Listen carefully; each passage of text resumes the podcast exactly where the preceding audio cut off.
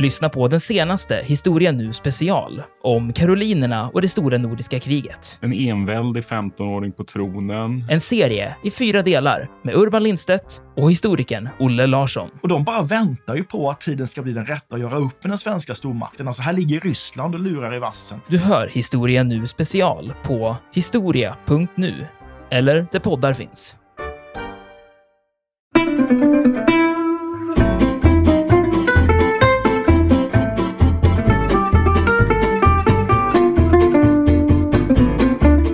Under sommaren 1963, då ingår alltså USA och Sovjetunionen ett avtal om att upprätta då en direktlinje mellan ledarna, eh, respektive ledare, för att eh, underlätta då krishantering under sådana här eh, nödsituationer, sådana här internationella nödlägen. Och den teknologi man använder är ju då teleprinter. Det är ganska intressant. Det var alltså en slags, alltså fjärrskrivare säger man ju också på svenska. Det var en slags eh, automatiserad telegraf som var väldigt high-tech på den här sidan, på den här tiden. Eh, om man kopplade ihop supermakterna via då en, en ledning, en het linje, röd, en ledning, en kabel som gick då Eh, intressant nog via Sverige. Den gick från Moskva eh, över till Helsingfors, till Stockholm, genom södra Sverige. Kanske även via Lund? Ja, den gick ju bara några hundra meter från där du och jag sitter just nu. Just det. Genom det som idag är juridiska institutionen, men Just som det. då var Televerket.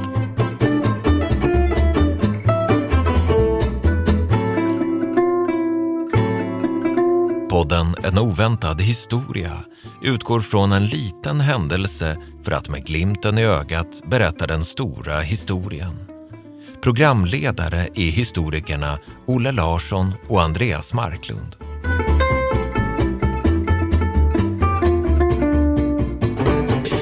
Hallå Olle! Hallå Andreas! Kul att se dig igen. Ja, detsamma, detsamma. Du, jag tänkte att vi skulle tala om Heta linjen idag. Spännande. Inte om den här äh, Heta linjen som existerade när vi var barn på 80-talet, som jag kommer ihåg att jag busringde till ganska många gånger. Någonting säger mig att vi får anledning att eh, återkomma till den eh, i ett senare avsnitt. Det tycker jag vi ska göra. Det är kul med 80-tals populärkultur. Absolut. Eh, idag kommer vi att prata då om ett, det kommer dock att vara ett kommunikationsrelaterat fenomen. Faktiskt lite grann från samma era, det kalla krigets era. Men från en lite tidigare fas, nämligen, nämligen då 50 och 60-talen, eh, då man då insåg successivt att eh, det behövdes någon form av direktlänk mellan ledarna för de bägge supermakterna, eh, USA och Sovjetunionen. Och här ska vi kanske nämna att det finns en dagsaktuell problematik i allt det här, Olle. Ja, absolut. Vi, det är ett krig som pågår. När vi sitter och pratar här nu pågår ett krig, ett fullskaligt krig i Ukraina. Precis. Och det vi ska prata om idag har med all sannolikhet använts, eh, eh, alltså heta linjen, i samtalen mellan Putin och eh, amerikanska presidenten Biden. Precis, och det kommer vi också återkoppla till lite senare under det här programmet. Men vi kanske bara ska nämna det, att det ligger, det hänger det som en, en skugga av krig över vårt samtal idag. Det kan vi inte bortse ifrån. Det var det första klargörandet. Så har jag ett annat klargörande som är lite trevligare, det är mer historienördigt. Det handlar om att eh, det här själva namnet Heta linjen, eh, som, vi, som vi ger det här fenomenet, den här direktlänken mellan då Washington och Moskva, det är ett namn som framförallt kommer från, från medierna, från pressen och inte minst filmer som Dr. Strangelove från nådens år 1964. Det kommer vi också att eh, återkomma till lite senare. Eh, det är genom den typen av, eh, vad ska man säga, medier som det här har blivit känt som Heta linjen. Men egentligen var den faktiskt känd när den installerades som The Washington Moscow Emergency Communications Link, eller bara MoLink, som det hette i USA om man var in the know. Jag läste också att man ibland kallar den bara för DCL, Just Direct det. Communication Link. Just det, just det, precis. Och så kommer det här namnet Heta linjen så successivt under 60-talet. Men Olle, vi börjar med en stämningsbild som vanligt. Vi förflyttar oss till året 1963, alltså året då John F Kennedy blev mördad. Men det här är då lite tidigare på året. Det är den 20 augusti 1963 och JFK är fortfarande vid liv och hälsa någorlunda. Han var ju alltid lite småkrasslig. Eh, det är ju rätt varmt i sommaren. Eh, det är rätt varmt i i Washington på sommaren, så eh, förmodligen har presidenten när den här stämningsbilden utspelar sig och till sommarstugan på Martha's Vineyard med, med Jackie, Kennedy och, och barnen. Men det händer ändå grejer på Pentagon. För här befinner sig ett antal väldigt allvarliga män i militära uniformer som står tillsammans och kikar på en väldigt avancerad skrivmaskinsliknande apparat av det senaste snittet. En fjärrskrivare eller teleprinter som, även om vi inte kan se det här, är kopplad då via diverse undervattenskablar till en liknande eh, maskin då, som befinner sig i Moskva, som dock har kyrilliska bokstäver istället för latinska på tangentbordet. Och det här är första gången man ska använda den här maskinen, den här direktlänken. Så förmodligen är stämningen ganska spänd där i, i, i Washington på Pentagon när de här herrarna står där vid den här apparaten. Plötsligt reser sig då en, en av militärerna, en herre ur eh, signaltrupperna, en telegrafist, som skriver då världshistoriens allra första meddelande på den famösa heta linjen mellan Washington och Moskva. Och det meddelandet lyder som följer. Håll i dig, Olle, det här är allvarligt. The quick brown fox jumps of the lazy dog. Of the lazy dog. Efterföljt av siffrorna 0 till 9. Alltså på ren svenska. Den snabba bruna räven skuttar över den lata hunden. Det här kräver ju onekligen sin förklaring, Olle. Det är många frågor som väcks. Varför skickade Pentagon ett uppenbart nonsensmeddelande på en krypterad direktlinje till, till Kreml? Och var är den där berömda röda telefonen?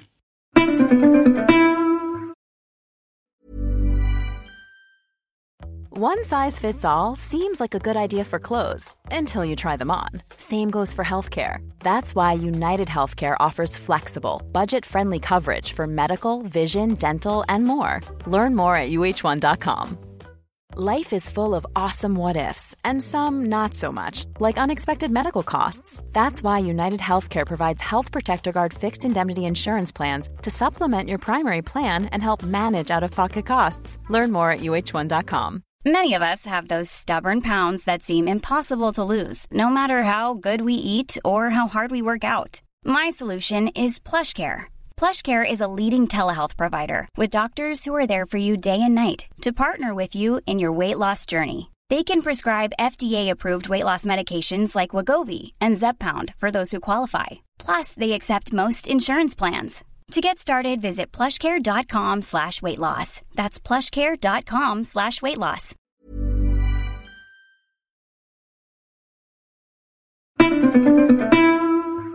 Jag tror vi börjar med den historiska bakgrunden, Olle. Varför installerade man en så kallad het linje mellan Washington och Moskva i augusti 1963? Ja, jag skulle vilja kommentera det här nonsensmeddelandet först, för att det här är ju ganska fyndigt. Det är ju ingen slump att meddelandet låter så här. Alltså det här är ju samtliga bokstäver i det eh, engelska amerikanska alfabetet och så följs det då av siffrorna 0 till 9. Man vill liksom ha koll på att man ska kunna sända vilket meddelande som helst och det är därför det låter så här. Man testade alla tangenterna alltså? Precis. Och bakgrunden här är ju helt enkelt en, eh, en av kalla krigets kanske svåraste och farligaste konflikter utspelas i oktober under 13 dagar 1962. Amerikanskt spaningsflyg av modellen U2 flyger över, regel, vanemässigt, regelmässigt flyger över eh, kubanskt territorium och spanar. Och den här dagen tar man bilder. Och vid återkomsten till basen och när man analyserar bilderna så upptäcker man att oj, det verkar som om Sovjetunionen på kubanskt territorium har hållit på att bygga baser för eh, kärnvapenrobotar, medeldistansrobotar, som har kapaciteten att nå 80 procent ungefär av alla större amerikanska städer på en väldigt kort flygtid. Inte en optimal situation. Inte en optimal situation. Man har fått kommunisterna, som man fruktar mer än någonting annat under kalla kriget, som granne. Och det här blir naturligtvis en kris som man diskuterar i den amerikanska administrationen. Eh, John F Kennedy sammankallar sina rådgivare och säger vad ska vi göra? Mm. Baserna måste bort. Mm. Man diskuterar olika alternativ. Ska vi flyga in, skjuta bort de här baserna och det kubanska luftförsvaret?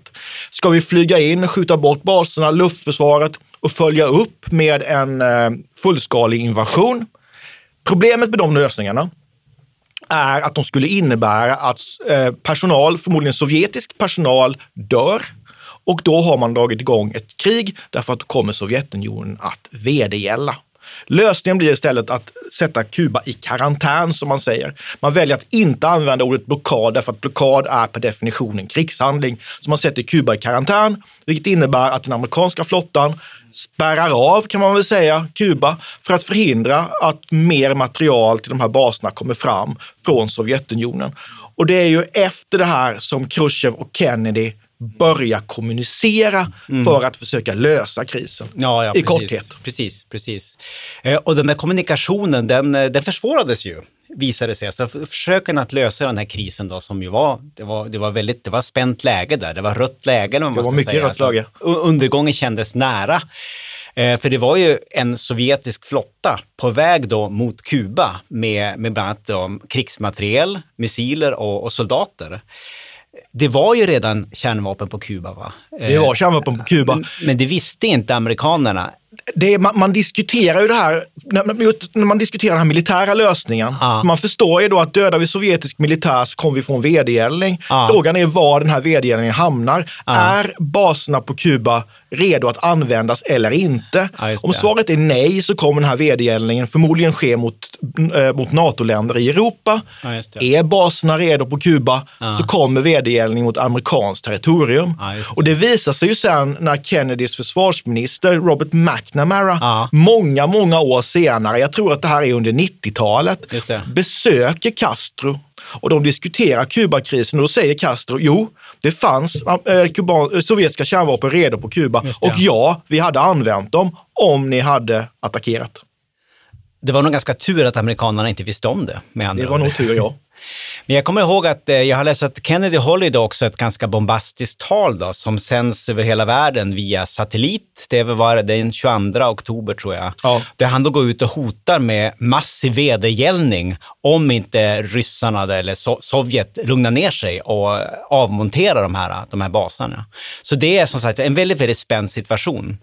Eh, samtidigt så pågår det ett ganska intensivt diplomatiskt arbete förstås då, bakom kulisserna för att liksom försöka undgå att det blir då att det här leder till tredje världskriget och potentiellt sett jordens undergång. Men man har då problemet att periodens kommunikationssystem är ganska föråldrade. De är till och med ganska indirekta.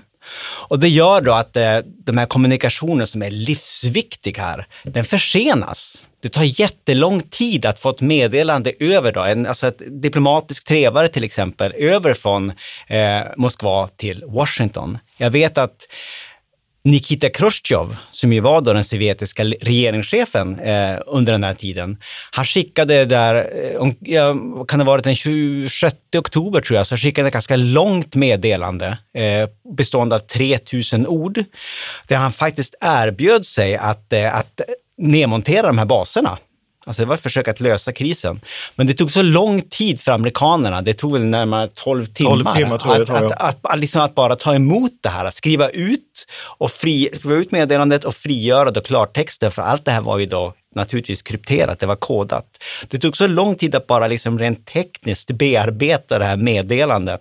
Att Khrushchev han ju övertygas att inta en, en, en mer fientlig, aggressiv hållning innan amerikanerna överhuvudtaget hann svara rent tekniskt. Och det där skapar ju oerhört stor eh, eh, förvirring i USA. För först när man väl har översatt det här första meddelandet från Khrushchev, mm. då står det ju att jag är beredd att ta bort mina kärnvapenbaser från Kuba mm. om ni lovar att inte attackera Kuba. Ja, Men sen kommer ju, när han då har härsknat till på grund av att ett uteblivet amerikanskt svar, ja. så har han ju skruvat upp tonen, får man väl säga, Precis. några tonlägen och säger jag är beredd att ta bort mina kärnvapenbaser från Kuba ja. om ni lovar att inte anfalla Kuba och plocka bort era Jupiterbaser från Turkiet som då är ett NATO-land. Jo, precis. Och det var ju precis uteslutet för Kennedy-administrationen som inte vill hamna i någon form av eh, utpressningssituation. Exakt. Så där var det riktigt farligt. Ja, han tolkade ju den här långsamheten som ju hade tekniska orsaker. Som obstruktion? Eller? Ja, som obstruktion ja. eller kallsynthet eller skepsis eller ett, förhandling, ett, ett, liksom ett, ett slukt amerikanskt förhandlingsknep. Eller sånt. Så han blev ju irriterad, så det höll ju faktiskt på att förvärra situationen.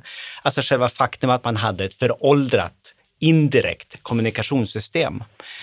Eh, men innan vi liksom börjar snacka om det här mer teknikhistoriska så tänkte jag att vi kanske också ska lyfta fram en till faktor ur den här mer historiska allmänna kontexten. Du nämnde det här med vedergällning, du nämnde det här med kärnvapen och risken för ett tredje världskrig.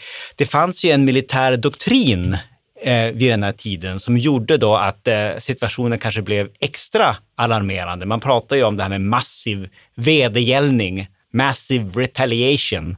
Va, va, vad var det? Massive retaliation var ju hur USA såg på eh, användningen av kärnvapen i händelse av att ett stort krig skulle bryta ut. Och eftersom USA bedömde att man själv var överlägsen på kärnvapenområdet medan Sovjetunionen var överlägsen när det handlade om konventionella styrkor, så, var, så skulle det enligt amerikanskt försvarspolitiskt tänkande så skulle kärnvapen vara förstahandsalternativet. Alla kommunistiska framstötar ska mötas med kärnvapen. Så hade det här brakat loss. Nu löser man ju Kubakrisen genom förhandling på ett annat sätt. Eh, Men eh, hade det brakat loss så hade ju det här blivit ett kärnvapenkrig. USA hade använt kärnvapen och så hade Sovjetunionen använt kärnvapen tillbaka.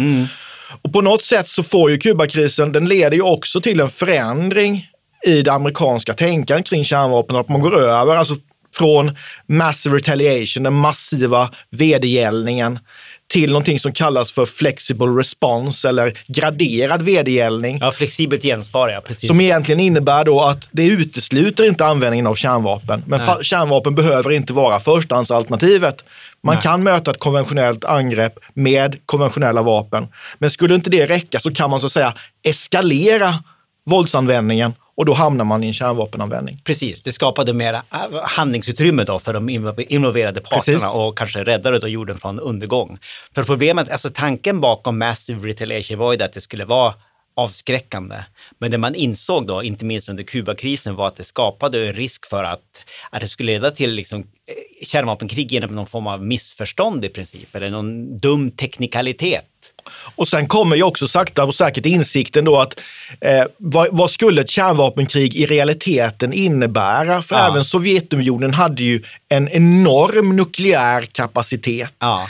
Och det leder ju fram till, till det här som vi kallar för terrorbalansen, en, the, eller the mutual assured destruction, den ömsesidigt garanterade förstörelsen. Du kan inte vinna ett kärnvapenkrig, för att även om du skjuter bort alla motståndarens landbaserade baser så har han tillgång till kärnvapenbaserade ubåtar. Så du kommer få en nukleär vedergällning hur du än gör. Du kan inte vinna ett kärnvapenkrig, därför låter vi bli.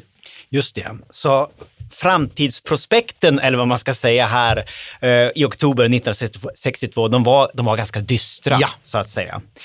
Så eh, man lärde sig en, en, en läxa. Man fick sig en tankeställare på, på respektive sida då av, eh, av Atlanten eh, e- efter det här. Så under sommaren 1963, då ingår alltså USA och Sovjetunionen ett avtal om att upprätta då en direktlinje mellan ledarna, eh, respektive ledare, för att eh, underlätta då krishantering under sådana här eh, nödsituationer, sådana här internationella nödlägen.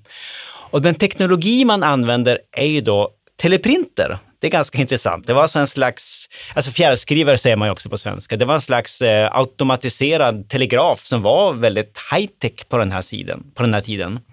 Eh, om man kopplade ihop supermakterna via då en, en ledning, en het linje, en ledning, en kabel som gick då Eh, intressant nog via Sverige. Den gick från Moskva eh, över till Helsingfors, till Stockholm, genom södra Sverige.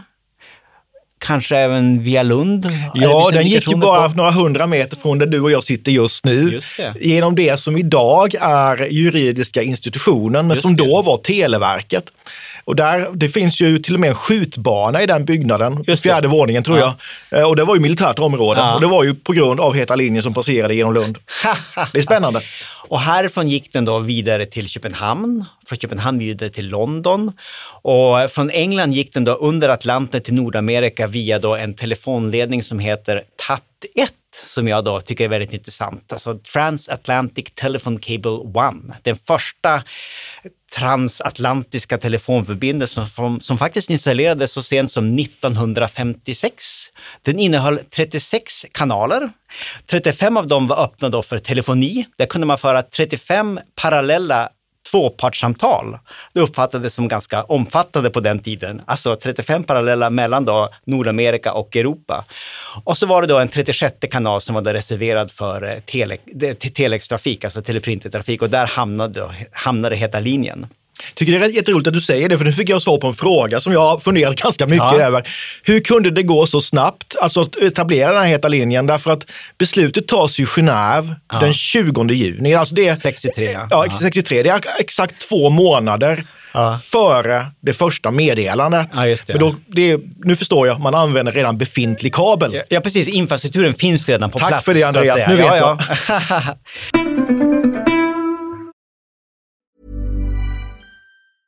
Quality sleep is essential. That's why the Sleep Number Smart Bed is designed for your ever evolving sleep needs. Need a bed that's firmer or softer on either side? Helps you sleep at a comfortable temperature? Sleep Number Smart Beds let you individualize your comfort so you sleep better together. JD Power ranks Sleep Number number 1 in customer satisfaction with mattresses purchased in-store. And now, save 50% on the Sleep Number limited edition Smart Bed for a limited time. For JD Power 2023 award information, visit jdpower.com/awards. Only at a Sleep Number store or sleepnumber.com.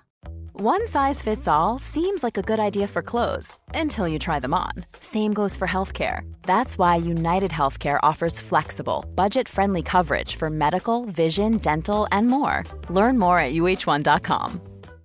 This is Paige, the co-host of Giggly Squad, and I want to tell you about a company that I've been loving, Olive and June. Olive and June gives you everything that you need for a salon quality manicure in one box. And if you break it down, it really comes out to $2 a manicure, which is absolutely insane. It's also so easy to get salon worthy nails at home with Olive and June. The difference between how your nails used to look when you did them yourself and now with the Manny system is a complete game changer. The best thing about Olive and June too is it's a quick dry. Dries in about one minute, lasts for five days, and full coverage in up to one to two coats. Visit oliveandjune.com slash perfectmanny20 for 20% off your first system. That's oliveandjune.com slash perfectmanny20 for 20% off your first system.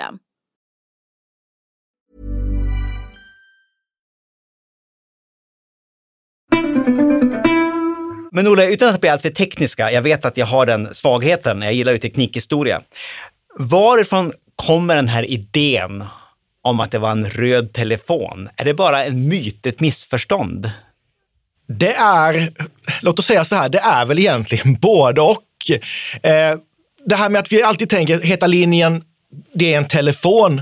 Det, det tror jag kommer, eller jag är ganska säker på att det kommer från populärkulturen. Det kommer från den här filmen Dr. Strangelove från 1964. Den är ju förvisso svartvit, men på filmaffischen så ser man ju de två ledarna som samtalar med varandra, så hållandes varsin röd telefonlur. Just det, just det. Och jag tror att det här röda symboliserar liksom fara, eh, varning, Ja. eh, beredskap eller någonting. Och där kommer nog föreställningen att, den här, att det är en telefon Mm. och att den var röd.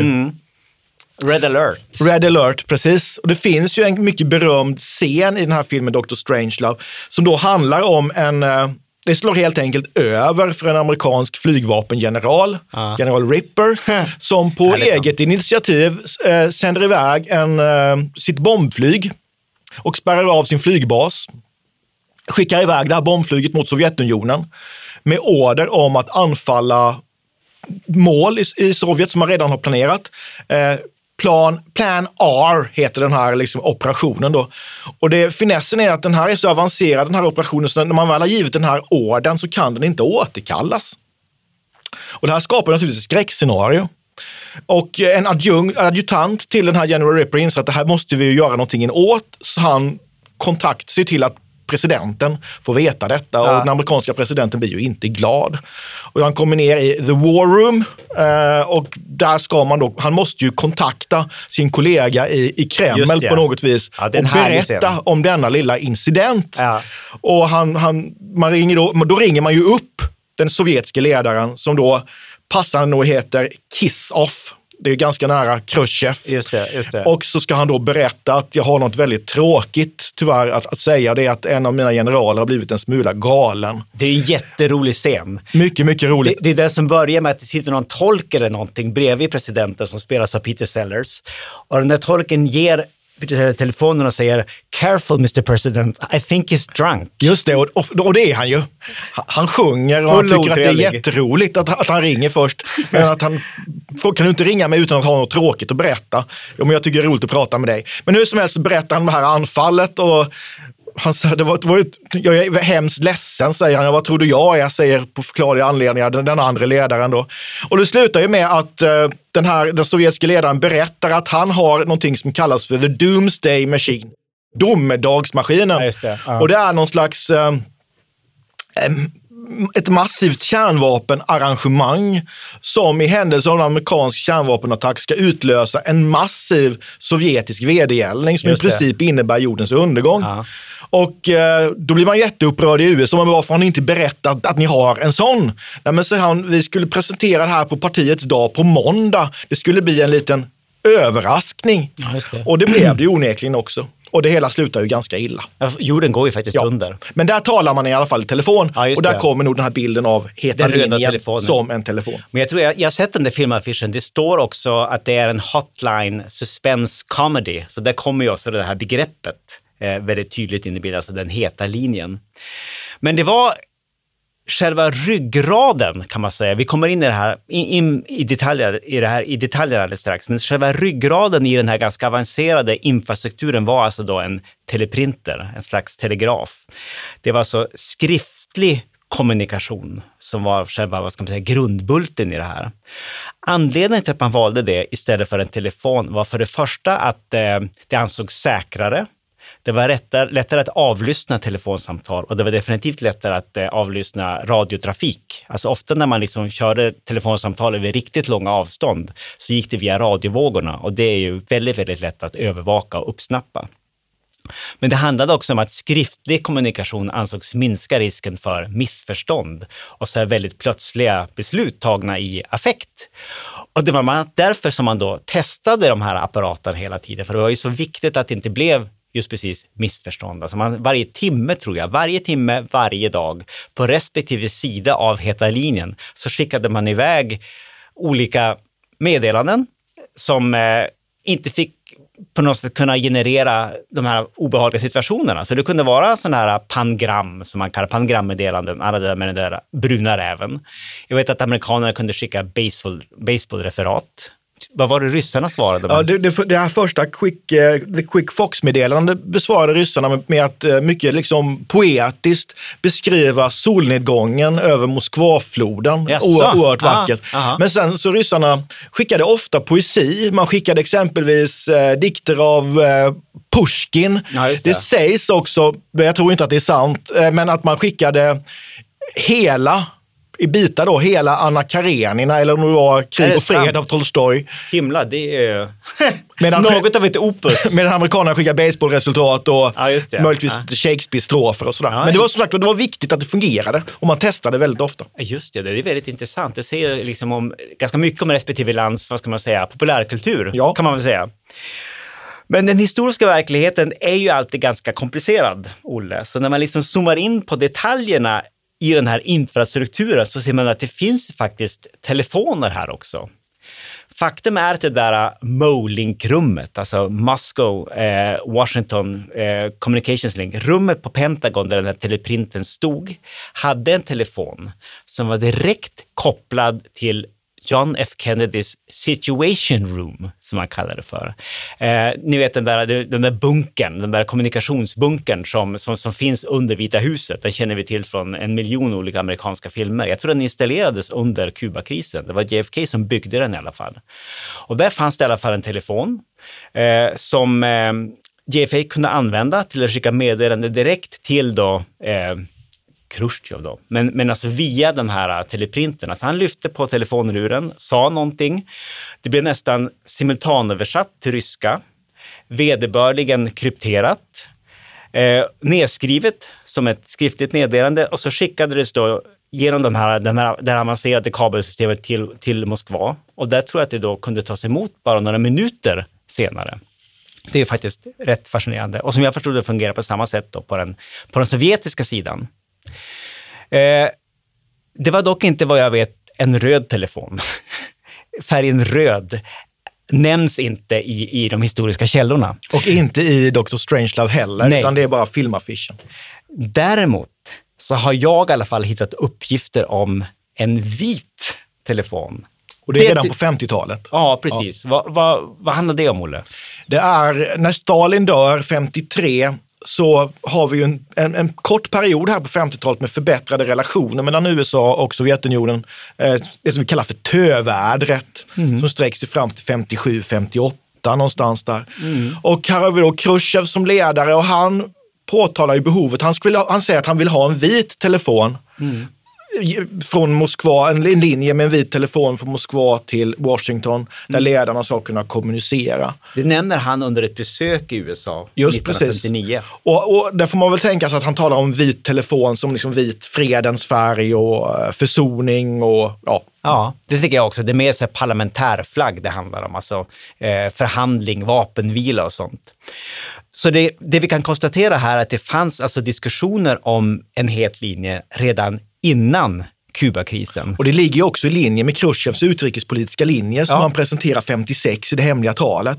När han säger vi måste ha mindre konfrontation med de kapitalistiska staterna, mindre konfrontation med USA. Vi ska satsa på fredlig samexistens. Det. Så det kommer nog ut ur det här också. Precis, det, det kan jag tänka mig. Och här, här eh, påminner vi oss om något som kanske är det verkligt oväntade inslaget i det här avsnittet av En oväntad historia. Nämligen att det fanns en tid, there was a time, när även då ryska eller till och med sovjetiska regeringschefer kunde uppföra sig på ett konstruktivt sätt eh, inom de internationella relationerna. Alltså Nikita Khrushchev var ju en, eh, på många sätt en, en, en fredens man som arbetade för att eh, skapa åtminstone någon form av stabilitet i det internationella systemet. Och i det här paketet som han levererade här under andra halvan av 50-talet så ingick då bland mycket annat eh, många idéer om att skapa en mer effektiv och mer direkt kommunikationsinfrastruktur, både mellan supermakterna och även till och från eh, FNs generalsekreterare. Var också en viktig part i det här eh, trepartssamtalet. Och Heta linjen har ju uppenbarligen spelat roll flera gånger under historien efteråt. Ja, precis. Just därför att jag tror att en förutsättning för att kommunikationen ska fungera och att den fungerade var att vi hade med rationella aktörer att göra. Exakt. Vars beteende i alla fall var någorlunda förutsägbara. Mm. Och det, kräver ju liksom för att, det krävs ju för att man ska kunna lösa en, en svår situation. Exakt. För kalla kriget har ju till skillnad från idag, hade ju väldigt tydliga spelregler egentligen. Mm. Det var ganska lätt att, eller ganska lätt, men det gick att förutse liksom hur man flyttade sina pjäser, Mm. vad den motståndarens drag skulle bli. Det fanns en underliggande logik, en rationalitet och det fanns någon form av ärlighet till Absolut. exempel. Man kunde lita på vad den andra parten sa i ett telefonsamtal. Men du, Heta linjen var alltså på sätt och vis hela världens livlinje under det kalla kriget. Men användes den faktiskt rent praktiskt någon gång? Alltså, känner vi till några situationer där, de faktiskt, där man lyfte på telefon, telefonluren? Ja, det gör man. Första gången man gör det är ju i samband med mordet på John F Kennedy 1963. Just för att kontakta eh, Sovjetunionen och berätta att det här inte är en statskupp. Nej, Eller hade koll- hade koll. sannolikt inte en statskupp i alla fall. Man har koll på läget. Och sen så används den i samband med eh, sexdagarskriget 1967 eh, när krig bryter ut i Mellanöstern bland Israel och grannländerna och både USA och Sovjetunionen flyttar ganska stora, framförallt flottstyrkor ner Ja. till Medelhavet. Ja. Just för att vi försäkrar motståndarsidan om att vi har inga fientliga avsikter riktade mot varandra. Just utan det. Var, var lugn. Det, är precis, det fanns ju risk för så här, olyckor och eh, vad ska man säga, kollisioner närmast. Det var det man ville undvika. Just precis, och man använde den på samma sätt i samband med ett annat krig me- mellan Israel och grannländerna 1973, Jom Kippur-kriget eller oktoberkriget. Ja. Man använde det i samband med den sovjetiska inmarschen i Afghanistan 79. 1979 i december. Och sannolikt så använder man den flera gånger under 1980-talet. Ja. Eh, kanske, jag skulle nästan våga sätta mitt huvud på att den används 1983, Ja, det här mycket det. spända året. Just Men det. om detta vet vi intet, Ja, det- därför att det är fortfarande hemligstämplat. det är väldigt svåråtkomligt material. Eh, precis, det är fortfarande klassificerat. Eh, Vi kanske ska avsluta här med att säga någonting om Heta linjen idag, både rent tekniskt och eh, vad ska man säga innehållsmässigt. Alltså för det första, du var lite inne på det tidigare, alltså man, man, man kan inte låta bli, det, det är nästan något sorgligt över det när man betraktar det här i, vad ska man säga, i, i eh, med, med liksom nutidens problem i Ukraina i, eh, vad ska man säga, i bakhuvudet. Alltså det, här, det känns lite grann som en kvarleva från en, en, en ärligare och kanske på sätt och vis lite mer naiv tidsålder trots allt. Alltså man hade en idé om att en öppen kommunikationskanal mellan eh, USA och Sovjet slash Ryssland, att det skulle kunna lösa de här kriserna. Eh, vi vet ju idag att Putin och Biden, de har ju snackat var det, tre gånger i alla fall eh, om, om Ukraina utan att det verkar ha hjälpt speciellt mycket. Så det räcker ju inte med att man har en öppen linje. Man måste ju också ha ett gemensamt språk, gemensamma spelregler. Det måste finnas tillit, det måste finnas ärlighet. Alltså det går ju inte, det duger inte med en het linje om den ena parten ljuger en rakt in i örat. Liksom. Just tilliten tror jag är viktig tilliten och att man också behandlar, att man också tilltror, eller att man kan avläsa sin motståndare i form av att motståndaren verkar vara, agerar eh, rationellt. Precis. Eh, och inte bara ration, rationellt i sin egen värld så att säga, utan rationellt i den stora världen. Exakt, exakt. Så det är någonting som, som på något sätt, det här, du var lite inne på det också, det som eh, Khrushchev var med och, och, och liksom byggde upp. Det, det fanns ju någon form av eh, internationellt system för att liksom eh, dämpa eh, den här red alert problematiken, hålla ja. den tillbaka. Och på något sätt så tror jag kanske att det har att göra med att under kalla kriget så var kärnvapenhotet så oerhört, det var så reellt ja. och så oerhört påtagligt.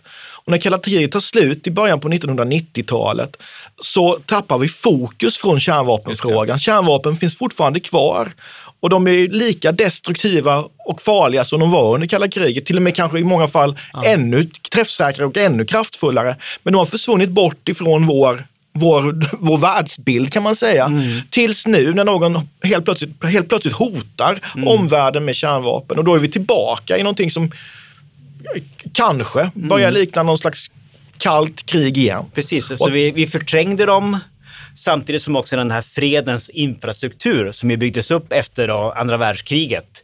Eh, det internationella systemet och ju FN till exempel då en väldigt brick, viktig bricka. Det har ju åtminstone, det kanske inte har försvunnit, men det har åtminstone brutits ner i hög grad. Det är ju bland annat också en effekt av eh, Donald Trump och hans, eh, eh vad ska man säga, eh, diplomatiska eh, klavertramp jag tänker på att vi pratar om krigen mellan första och andra världskriget som mellankrigstiden. Ja. Naturligtvis en efterhandskonstruktion eftersom man under mellankrigstiden inte visste att man levde mellan två krig. Nej. Men tittar man nu, vi kanske har levt i mellankrig, kalla krigstiden. Ja. Att vi kanske är tillbaka i, att vi haft en period från 91 och fram till nu ja. där vi har haft, ja, någon slags variant av mellankrigstiden, men kanske på väg in i någonting nytt igen. Ja, Vem vet? Obehaglig tanke. Men jag tänker, jag läste faktiskt ganska nyligen att Sverige också har en het linje. Jaså. Så vet inte jag hur ny den är, men det lär finnas då en, en, en het linje mellan det svenska försvarshögkvarteret ja. Eh, och eh, det ryska eh, försvarshögkvarteret. En linje för direktkommunikation. Okay. Med syftet då att eftersom både svenska och, ja. och ryska förband övar i Östersjöområdet ja, ja, så vill man kunna använda den här direktkommunikationen för att undvika att en konflikt uppstår det. på grund av olyckor eller missförstånd. Okay. Och jag läste i någon intervju med eh, Mikael Bydén, den svenska överbefälhavaren, att den lär också ha använts eh, i nutid i skarpt syfte. Jaha, okej. Okay. Men det här är något rätt modernt då? Alltså jag tror att det här är ganska modernt. Det är inte, kommer inte från ubåtsjakternas Det skulle jag inte tro, utan jag tror att det här är någonting ganska nytt. Okej, okay. okay, det kanske till och med post-Sovjet. Alltså jag, tror att det, Sverige här, och Ryssland. jag tror att det här är post-Sovjet. Det här är efter ja, Sovjetunionens kollaps. Vet du vad det, vad det är för kommunikationsteknologi man använder sig av? Det är Nej. ingen fjärrskrivare Nej. tror jag inte. Det, det inte. Ja, men det tänkte jag som avslutning. Det är för att sluta på kanske i ett liksom trevligare tonläge. Så rent tekniskt har jag noterat att den här teleprintern, den användes faktiskt ganska länge. Alltså fram till 86 så var det då fjärrskrivare som var den dominerade vad ska man säga, kommunikationsteknologin på den här heta linjen. 86, vad övergick man till då? Då övergick man naturligtvis till fax. Denna, denna high-tech ja, från 80-talet. Exakt, som påminner ganska mycket om teleprinter, men den kunde också hantera bilder. Det gick väldigt snabbt att skicka du vet, så här, avfotade dokument och grejer. Och den där faxen, den användes ju hur länge som helst. Alltså, fram till början av 2000-talet. Jag tror det är 2008, alltså under Obamas tid, som man börjar föra då, införa de mer digitala alternativ. Alltså det blir som här, typ naturligtvis inte Skype, men åt det hållet. Eh, när, när, Putin och Biden kommunicerade här om Ukraina eh, in vain, så var det då någon slags digital eh, telefoni som, som, som var liksom den dominerande, eh, vad ska man säga, teknologin och det införs under Obama-tiden. Men alltså fram till Obama så var det då faxen som gällde. Och jag tror att det finns något backup-system också ifall det här eh, digitala havererar. Ja, radio. Radio, precis. Ja, precis. Och den har varit det hela tiden, ja. sedan 63. Ja. Ja men Olle, är vi färdiga? Det tror jag. Tack för idag. Tack detsamma. Vi ses. Hej då. Absolut. Vi tackar programledarna Olle Larsson och Andreas Marklund. Kontakta gärna Olle och Andreas på ovantad.historia.nu. Vi läser allt, men hinner kanske inte alltid svara.